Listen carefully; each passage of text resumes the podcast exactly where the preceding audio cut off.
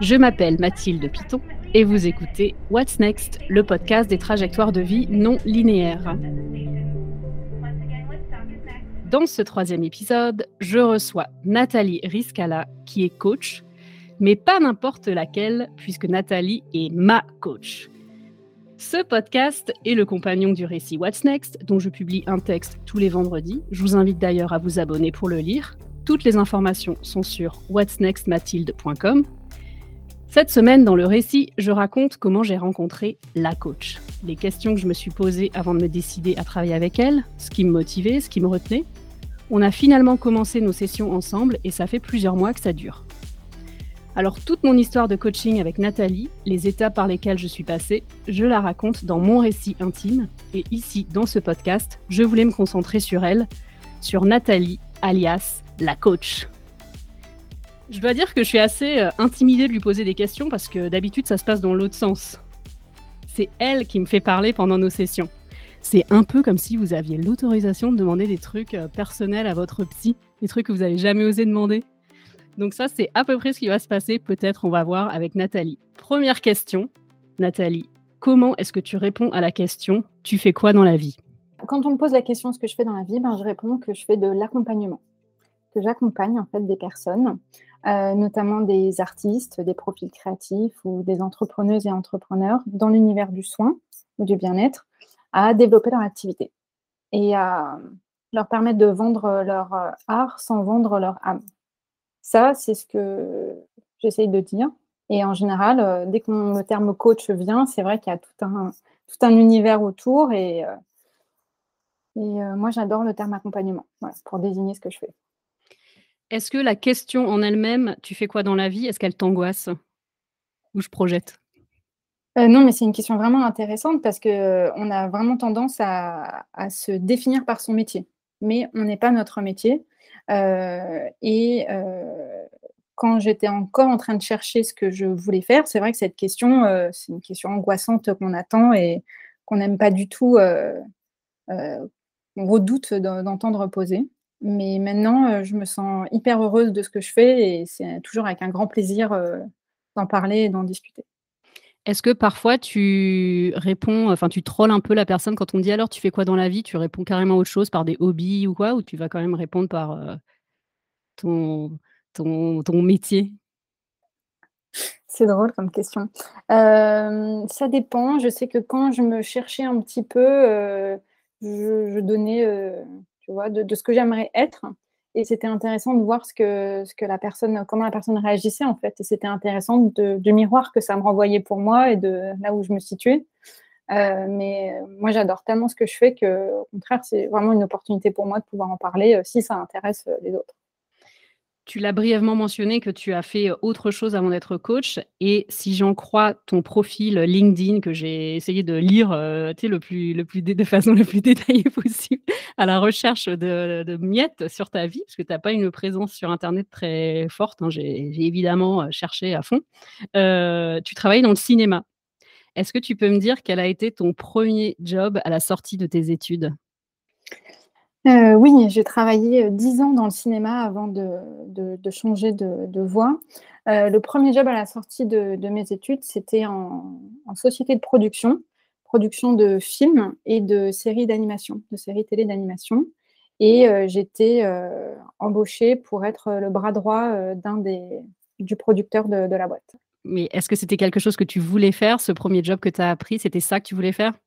Ben oui, je voulais travailler dans le cinéma, c'est-à-dire que hum, moi, quand j'ai euh, commencé euh, mes études, en, gros, j'ai fait, une, j'ai fait une école de commerce et arrivé en école de commerce après deux années de classe préparatoire, euh, je suis vraiment tombée de haut. C'est-à-dire que je ne m'attendais pas à ça euh, et je me suis rendu compte que il fallait bien que je trouve ce que j'allais faire pendant les 45 prochaines années de ma vie.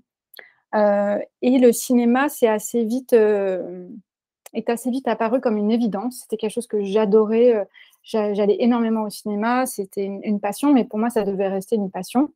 Euh, et au fur et à mesure, en explorant et en rencontrant des gens, je me suis rendu compte que ça pouvait en être un métier. Euh, j'ai trouvé un premier stage, puis après, dans mon école, ils ont ouvert une spécialisation dans les métiers des médias, auquel j'ai postulé. Puis j'ai trouvé un deuxième stage, un troisième stage, et puis voilà, après c'était parti sur des rails. Et, et c'était réellement, j'étais passionnée par, par ce que je faisais. J'adorais ce, ce secteur-là.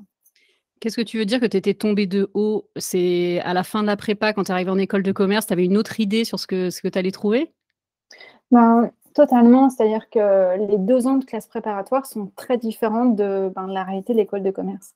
Et moi, j'avais adoré la classe préparatoire. Ces deux années où c'était pour moi une énorme stimulation intellectuelle. Euh, j'ai adoré apprendre. J'ai adoré cette idée un peu aussi de sorte de défi. C'est-à-dire que c'est quand même... Euh, c'est c'est euh, assez anodin euh, d'absorber toutes ces, toutes ces connaissances comme ça, pour les restituer euh, dans un marathon de, d'épreuves écrites et orales. Et une fois arrivé en école, et puis en plus en prépa, on, on, est tout dédié vers cette idée d'un, oasis, tu vois. À la fin de cette traversée du désert, c'est censé arriver vers l'oasis. Et moi, j'arrive euh, quelques jours en, école de commerce, je suis là, mais c'est ça l'oasis, c'était ça, ce qu'on, c'est pas du tout ce, à quoi je m'attendais. Euh, où il n'y avait plus du tout cette, euh, en tout cas, tel que je l'ai perçu, j'avais plus du tout cette exigence intellectuelle, j'avais plus du tout ce plaisir à apprendre. On était sur des matières totalement différentes. Et, et, puis surtout, je ne sais pas pourquoi, moi j'avais en tête que j'allais être expert comptable parce que mon père avait fait des études comme ça, donc je me la comptabilité, c'est pour moi. Et quand j'ai commencé à avoir des cours de comptabilité, j'ai trouvé ça tellement triste, tellement austère, euh, et je ne me suis pas du tout reconnue dans ça, j'étais très perdue. Et donc j'ai beaucoup cherché euh, au cours de cette première année d'école, euh, ben, qu'est-ce qui pourrait me plaire et me permettre de me dire, OK, j'ai ce tunnel de 45 ans à travailler, qu'est-ce qui pourrait... Et ça a été, du coup, ça a été le cinéma, en fait, par, parce que tu t'es dit, c'est quelque chose dont je suis passionnée et on peut faire, on peut en faire un métier. Il y a eu des gens autour de toi qui travaillaient dans le cinéma et tu t'es dit que c'était possible ou c'est via l'école, en fait, qui proposait ce, cette, ce master ou je ne sais pas ce que c'était, cette spécialité? Eh bien, écoute, pas du tout. Il n'y avait pas de gens autour de moi qui, qui travaillent dans le cinéma. Euh, je ne sais plus exactement comment ça s'est fait, mais je sais que j'ai beaucoup rencontré de personnes. C'est-à-dire que quand j'étais perdue, euh, ce que je faisais, c'était d'échanger avec des gens qui faisaient des choses qui se rapprochaient de ce qui me semblait être une intuition pour moi. Euh, et avant de trouver le cinéma, bah, j'avais commencé à explorer le droit, en me disant, bah, tiens, pourquoi pas faire un double diplôme euh, d'avocat. Bon, j'ai senti que ce n'était pas forcément pour moi. j'ai ensuite exploré l'hôtellerie. Je sais pas pourquoi l'hôtellerie. Et puis je me dis, ah, bah, non, peut-être pas. Puis enfin, le, le cinéma. Et en fait, j'ai eu beaucoup de chance parce que j'ai évidemment trouvé ce premier stage euh, grâce, euh, grâce à quelqu'un, euh, en l'occurrence qui était mon père, qui de loin connaissait quelqu'un qui travaillait sur des nouvelles formes de financement du cinéma. ils m'ont pris, un, pris un stage et là, ça a été bah, grande découverte et, et j'ai adoré. Et puis après, ouais, c'est cette spécialisation qui s'est ouverte, on appelle ça des chaires. Euh, c'est des majeurs, en fait, avec des cours spécialisés dans le domaine des médias euh, et des rencontres avec des professionnels de, euh, l'univers des médias. Et ça m'a complètement confortée. Puis après, voilà, trouver un deuxième stage, ça a été très simple, un troisième stage très simple. Et puis je me suis dit, bon, je cherche, je vois, je cherche un CDI. Si j'y arrive, très bien. Si j'y arrive pas, je verrai. Quoi. Et j'ai trouvé assez rapidement un CDI. Mais est-ce que, donc là, si je fais un fast-forward, comment t'es passé de tu trouves euh, un métier qui a l'air passionnant dans un, dans un domaine, dans un milieu qui a l'air passionnant, et comment, comment tu te fais, pourquoi tu fais plus ça aujourd'hui, dans tes 45 ans de tunnel? Je suis restée dans cette euh, société de production 7-8 euh, ans. Et moi, j'avais aussi, je commençais un peu à, à me projeter sur, sur cet univers dans lequel je me reconnaissais totalement, qui est l'univers du cinéma et à, construire ma carrière, en fait. Dans ma tête, euh, euh, il y avait vraiment cette idée de, progresser euh, et très vite, le marketing, c'est aussi imposé de manière assez naturelle comme une affinité pour moi. et je me voyais bah, continuer, tu vois, pouvoir devenir à différents postes de marketing. Et j'avais en, ligne de mire de partir à Los Angeles pour rejoindre un studio et travailler dans la division distribution à l'international. Euh, et en fait, bon, euh, le milieu du cinéma euh, étant très particulier, puis la société dans laquelle j'étais avait des conditions de travail extrêmement difficiles et une culture d'entreprise aussi très, très dure. moi, j'avais justement ce producteur que, que j'accompagnais, en tout cas pour lequel je travaillais, j'avais retrouvé au début vraiment cette excitation de la prépa. C'est-à-dire cette idée de c'est hyper stimulant, c'est plein de projets, c'est très ambitieux, puis c'est sur des. ça va très très vite, mais ça cachait aussi des, des, comportements qui étaient. tu vois, il y avait des frontières un peu floues entre le pro et le perso. Et en fait, au fur et à mesure, ça j'ai quand même beaucoup sacrifié, j'ai quand même ça devenait un peu dévorant.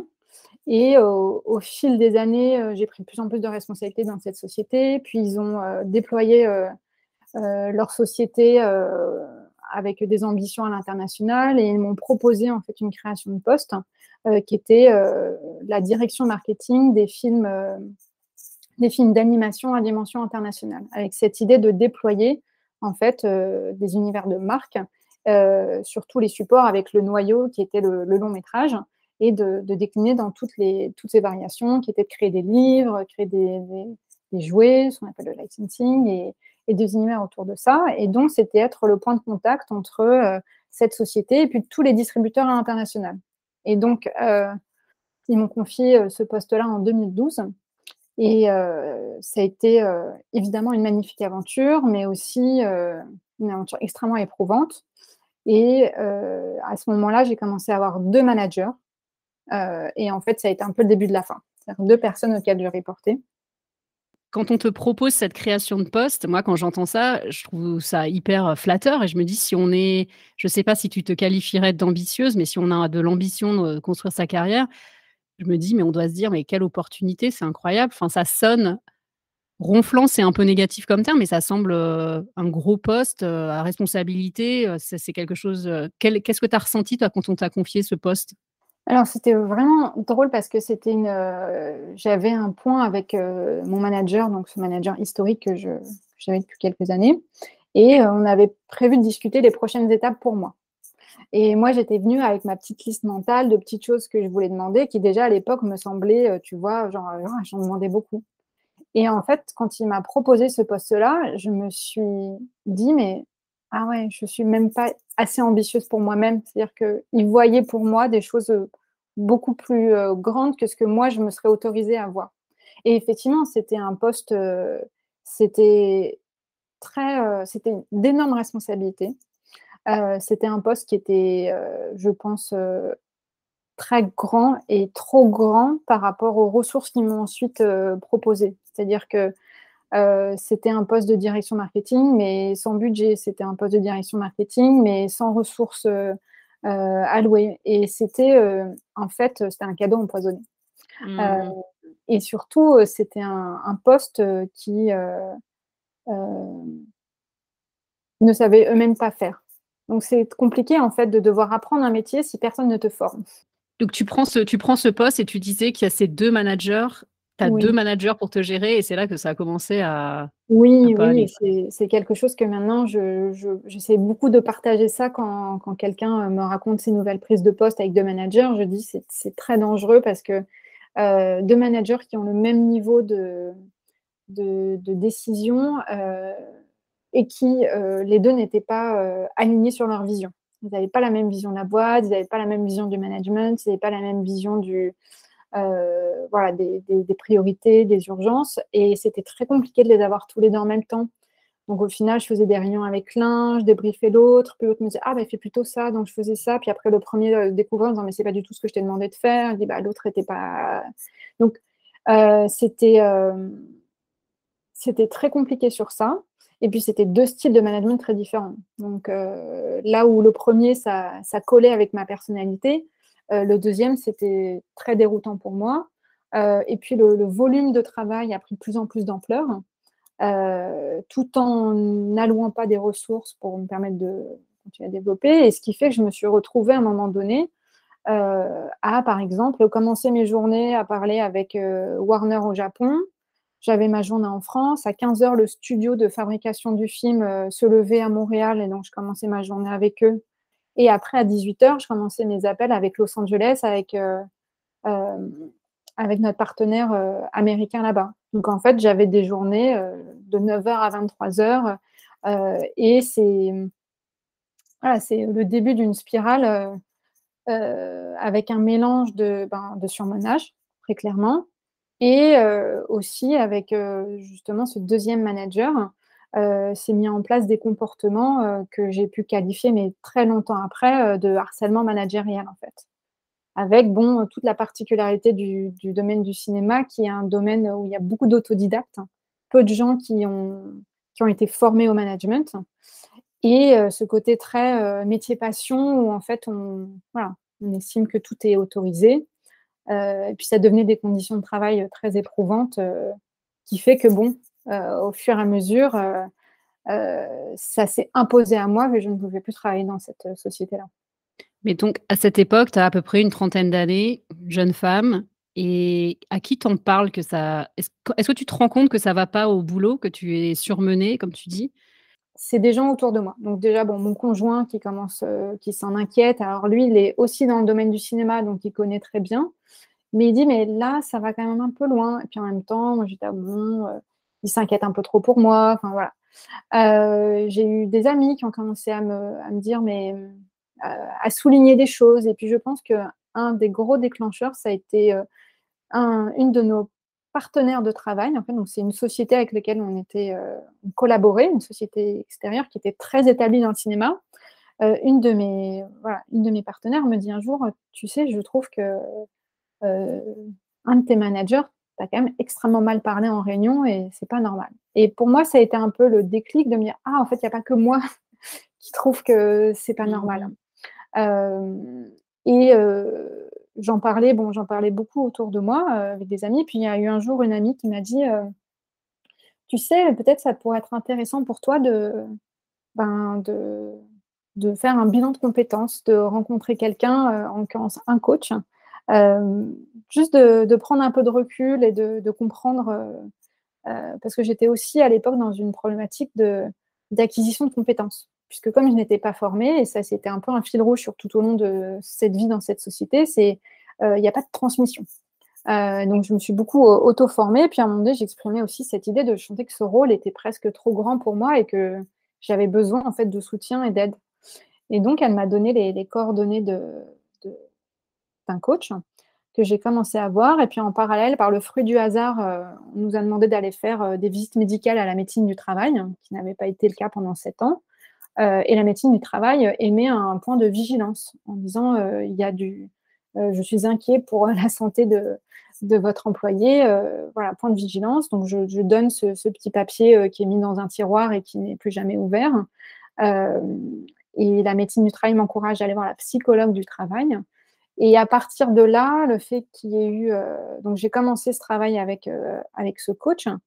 Et lui a aussi posé des, mots en disant Mais c'est très particulier ce qui se passe dans votre entreprise. Et c'est. Voilà. Donc, il y a eu plein de gens et je pense qu'il y a eu un mélange entre des faisceaux concordants de personnes de mon entourage qui commençaient à dire les mêmes choses euh, et d'instances que j'estimais comme un peu des instances d'autorité euh, qui m'envoyait le signal de ce que j'avais toujours eu comme intuition depuis très longtemps, de c'est pas normal comment ça se passe. J'étais arrivée à un stade où en fait je ne dormais plus, je ne mangeais plus, euh, j'étais euh, j'étais en larmes régulièrement, c'est-à-dire que je me revois sortir du métro pour aller, pour aller vers, vers les bureaux et il y a à peu près quelques minutes. Et tous les matins, je me disais, et si j'y allais pas? Et si je partais en courant? Et enfin, voilà, c'est vraiment c'est, être en apnée, puis en plus, j'avais quand même un des managers qui était dans des techniques de bah, très vraiment euh, le harcèlement moral. Euh, tu prends le livre et tu, soulignes tous les passages. Il le faisait de manière totalement, je pense, euh, pas consciente, mais c'était des accès de violence, c'était des cris, c'était des menaces de licenciement, c'était changer des directives, c'était annoncer en réunion avec cinq partenaires différents annoncer des choses en réunion que sur lesquelles moi j'étais même pas au courant et qui avaient un impact direct sur mon, euh, sur mon, sur mon quotidien. Voilà, c'était euh, voilà, tout ça qui se mettait en place. Et puis à chaque fois que je, je comment dire, que je, je, enfin, je soulevais ces sujets, c'était vraiment, de la psychologie inversée, de de de culpabilisation, en fait. De psychologie inversée, ce serait presque du gaslighting, quoi?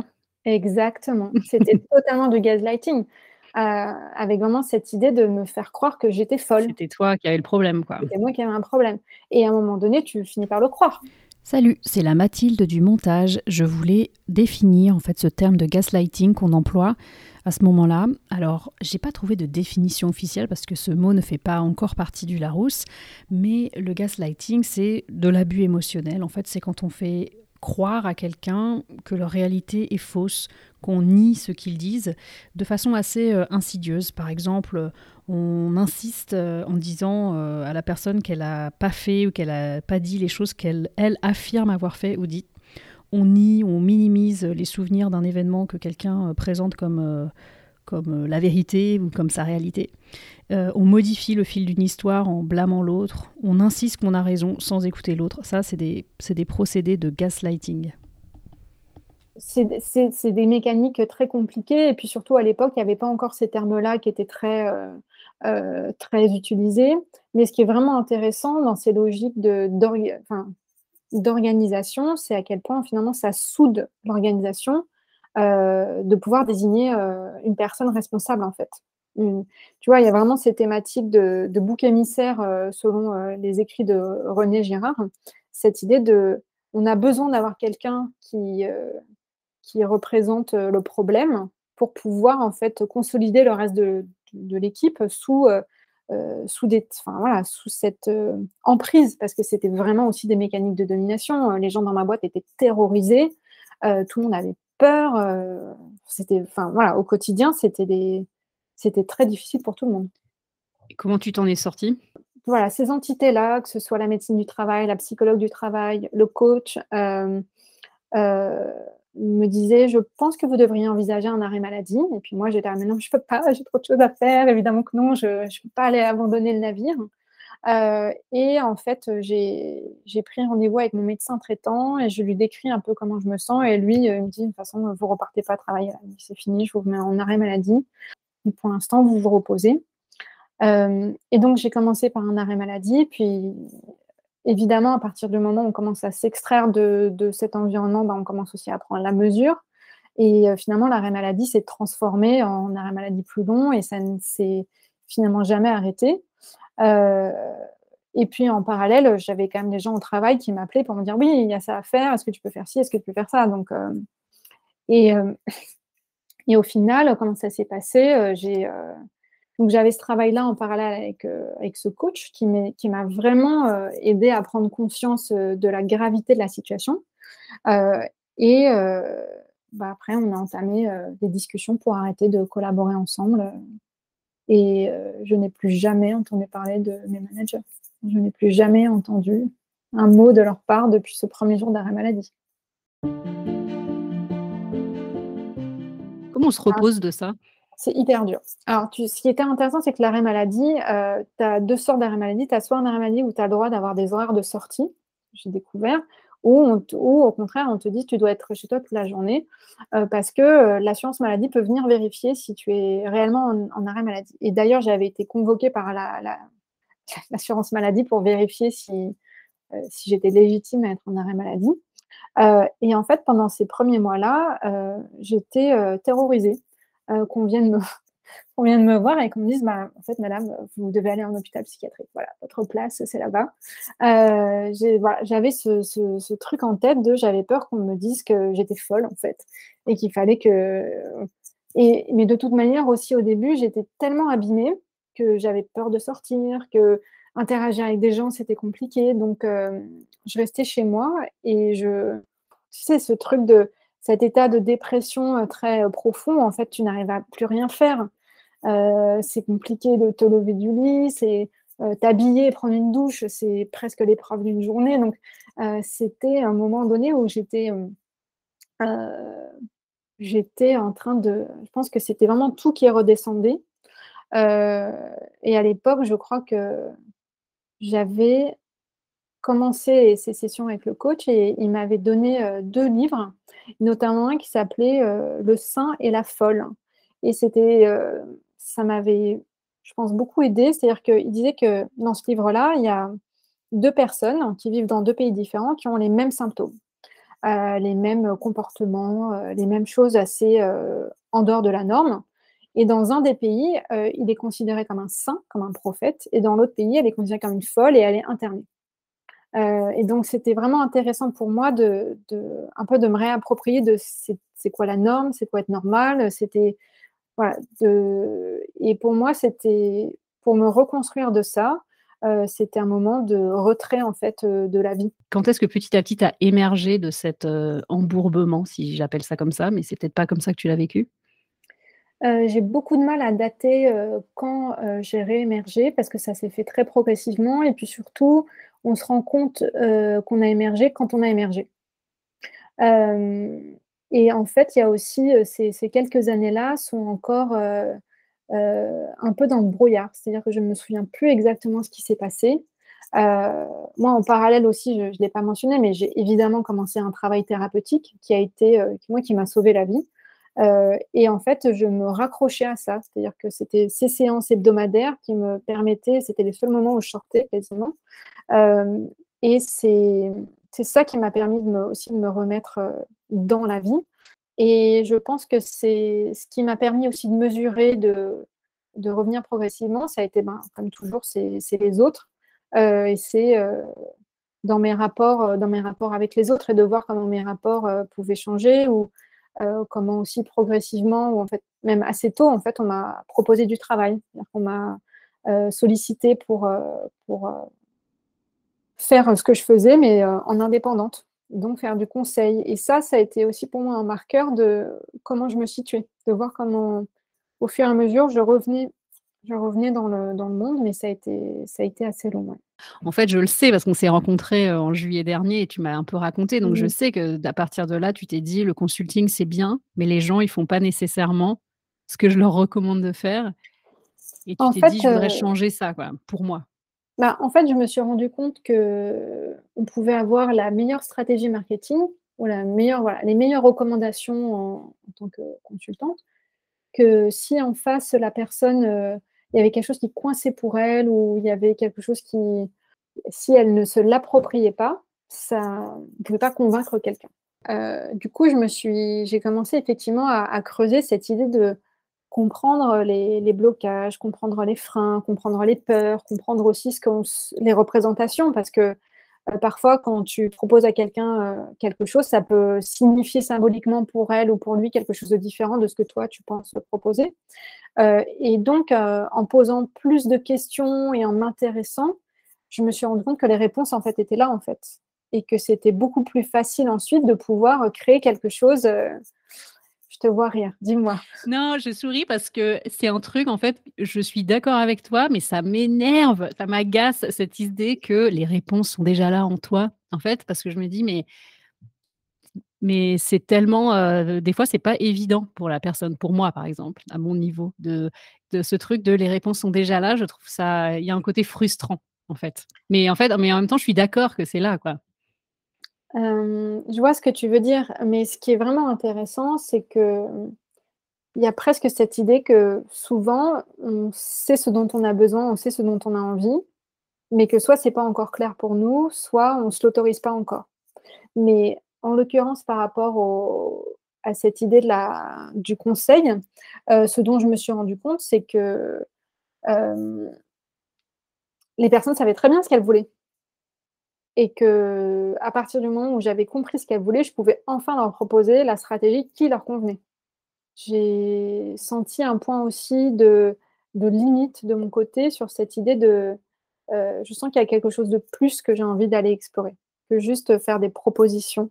Euh, parce que je trouvais ça tellement intéressant à partir du moment où tu commences à questionner les gens sur leurs besoins, sur leurs envies, sur leurs doutes, sur leurs peurs. Euh, toute cette dimension de la psyché que je trouvais vraiment passionnante. Euh, et c'est ça qui m'a amené progressivement à m'y intéresser et à, me former en fait et à comprendre un peu plus euh, toutes les dynamiques, les dynamiques psychologiques, les, les ressorts, voilà, les ressorts émotionnels ou même aussi me former tout ce qui était sociologie, tout ce qui était dynamique organisationnelle, enfin voilà, tout ce qui est finalement invisible tout ce qu'il y a autour. Mais tu parles de se former, mais il n'y a pas aujourd'hui une formation officielle pour devenir coach?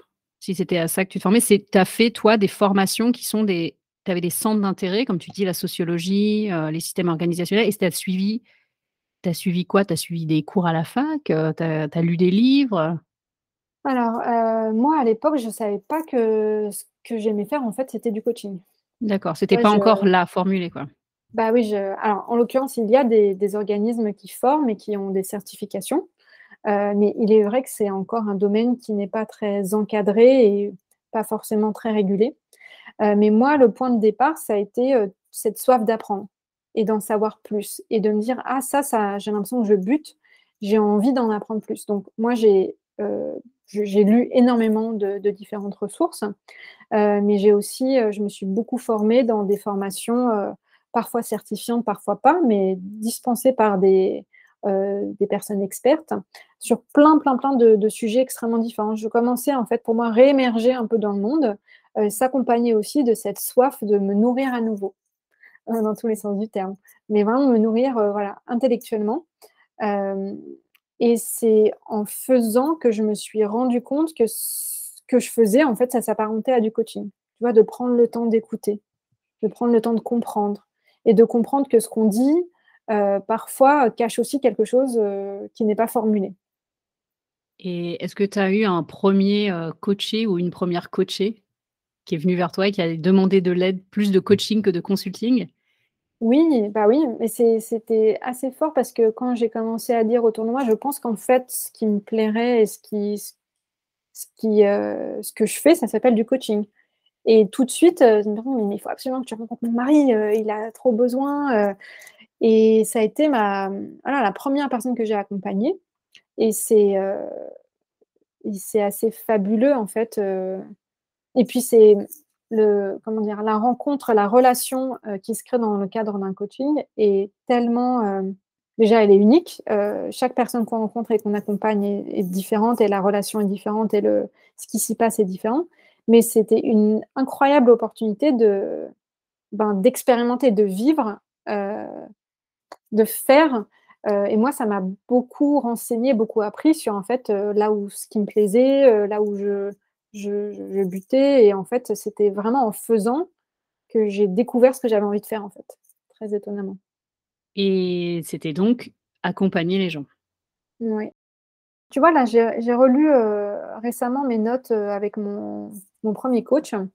Euh, et euh, dans lequel on avait fait ce bilan de compétences et on évoquait euh, des pistes et à un moment donné par rapport à ce que je pouvais faire après. Et à un moment donné, j'ai noté accoucheuse d'artiste. Et c'était en 2014. et c'est intéressant parce que on évoquait aussi ça toutes les deux, mais cette idée que le fil rouge est toujours là, mais qu'on ne le voit pas forcément au moment où on vit, et qu'en fait, quand on se retourne, on voit ce fil rouge. Euh, et moi, je vois aussi l'évidence, c'est-à-dire que je me rends compte que travailler dans le cinéma, ça a toujours été pour moi la passion de ce qui se passe derrière les coulisses.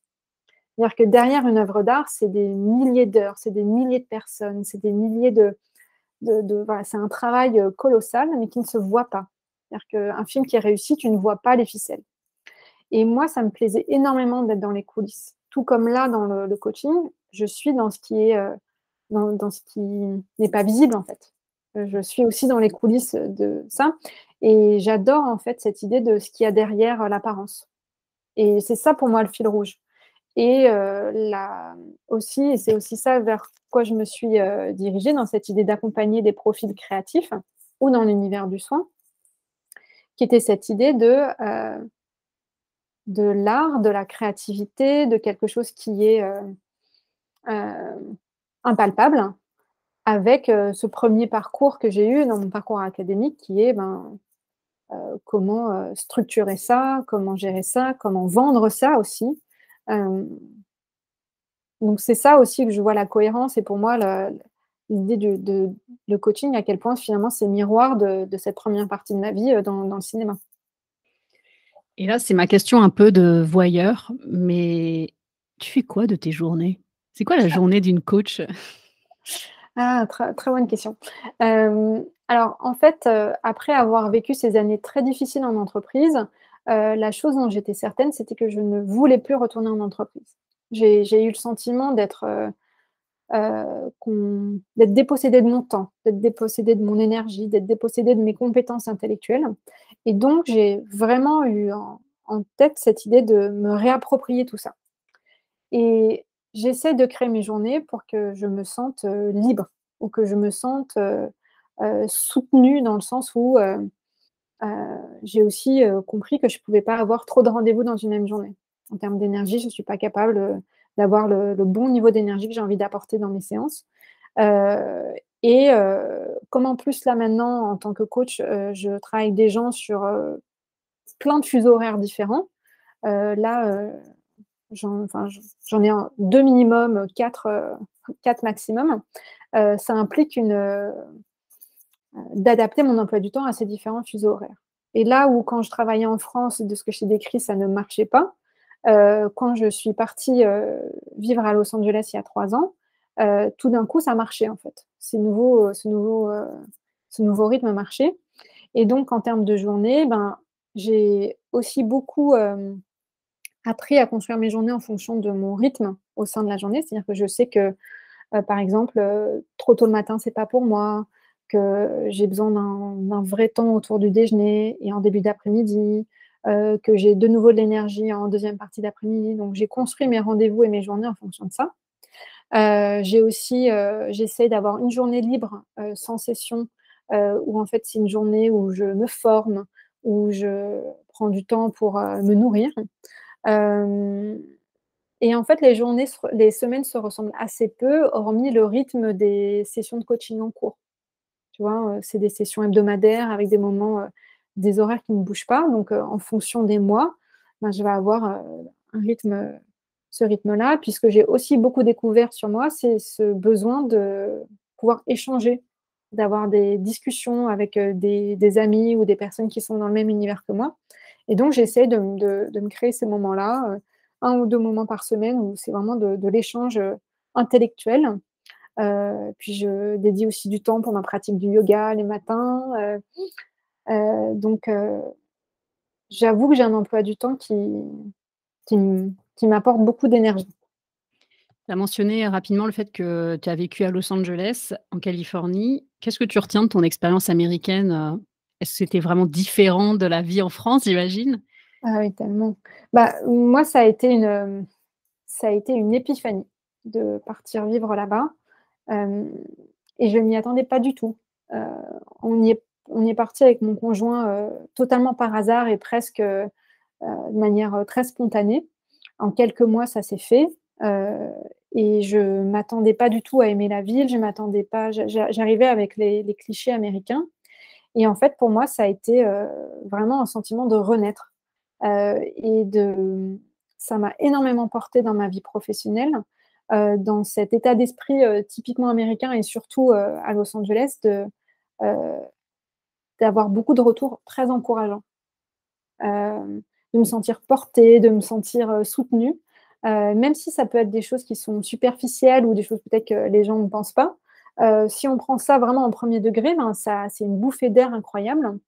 Et ça m'a donné aussi envie d'oser, de créer de nouvelles choses, de lancer de nouveaux programmes, de nouveaux projets, euh, j'ai aussi rencontré plein d'entrepreneurs, euh, enfin surtout d'entrepreneuses euh, créatives également, et ça m'a bah, ça m'a énormément nourri.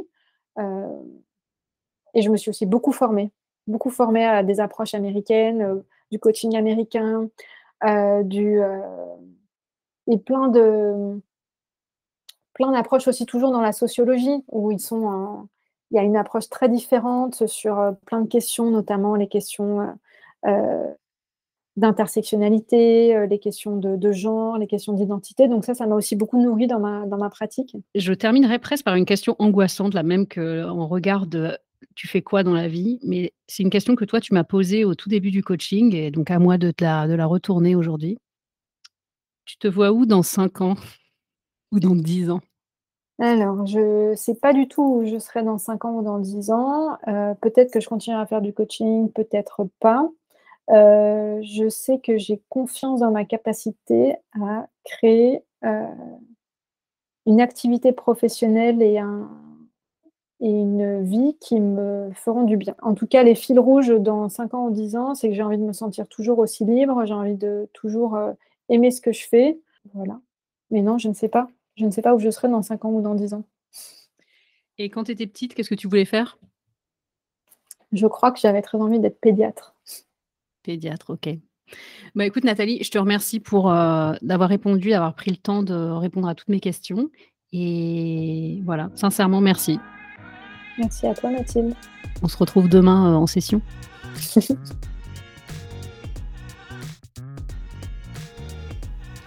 Un grand, grand merci à Nathalie de m'avoir fait confiance pour partager son histoire de vie professionnelle.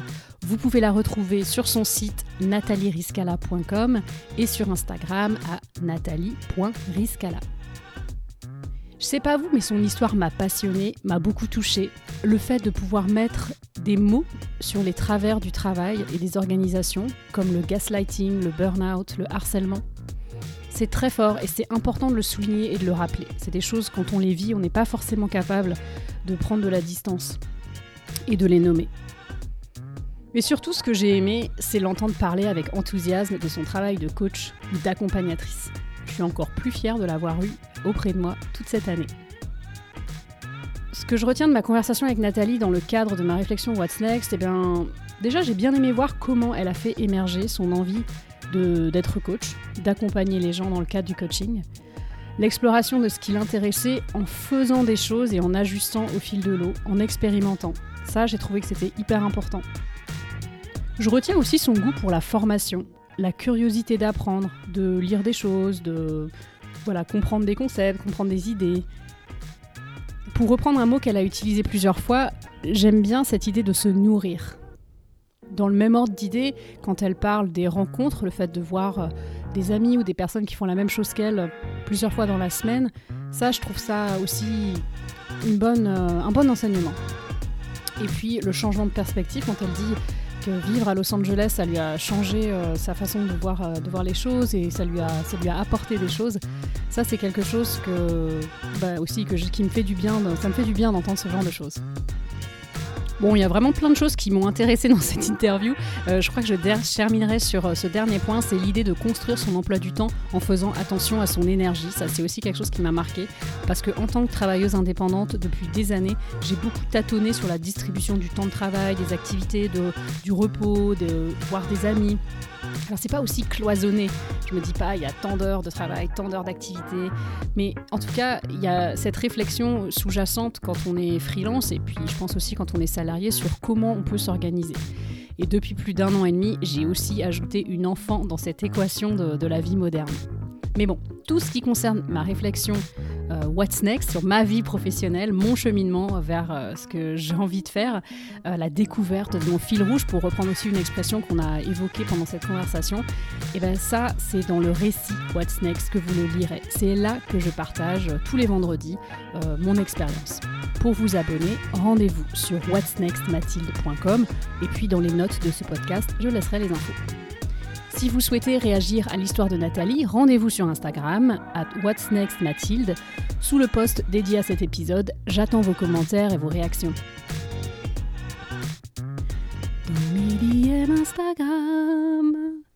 Dans l'épisode précédent, je vous ai posé une question tout à la fin. Qui vous aide quand vous avez des questions, des doutes sur votre vie professionnelle? Et voici vos réponses. Euh, pour répondre à ta question, moi, il y a plusieurs personnes qui m'aident en fait euh, quand j'ai des questions des vraies questions euh, qui concernent mon travail. D'une part, il y a ma meilleure amie parce qu'en fait, euh, elle est indépendante comme moi. Et du coup, elle comprend mes problématiques, euh, des problématiques qui sont quand même assez différentes de, celles qu'on a quand on est salarié. Et donc, j'arrive à, trouver auprès d'elle vraiment de la compréhension et, et de l'aide. Et puis, il y a aussi, je me tourne aussi pas mal vers les groupes. par exemple, des communautés, que ce soit euh, bah, sur Facebook, il y a différents groupes en fonction du métier qu'on fait, en fonction de, euh, son activité. Euh, et ça, ça m'aide aussi. Et puis pour terminer, bah, je me suis déjà fait coacher. Donc j'ai déjà eu plusieurs, enfin deux, j'en ai, deux en tête. parfois c'est le match et ça booste à fond et ça, et ça fonctionne super. Et puis j'ai eu une expérience où ça a moins matché, donc c'est vrai que là, pour le coup, la personnalité euh, du coach joue énormément, quoi. Mais, mais ça peut aussi être un vrai soutien et surtout un, un, vrai boost, quoi, quand on est un peu, un peu paumé. Ça permet de prendre un peu de hauteur et de recul et, et, et ça peut beaucoup aider. Voilà, j'ai oublié de préciser. Je suis Julie et je suis freelance en communication actuellement en Bretagne. Salut Mathilde. Alors, qui m'aide quand euh, j'ai un problème en lien avec mon travail?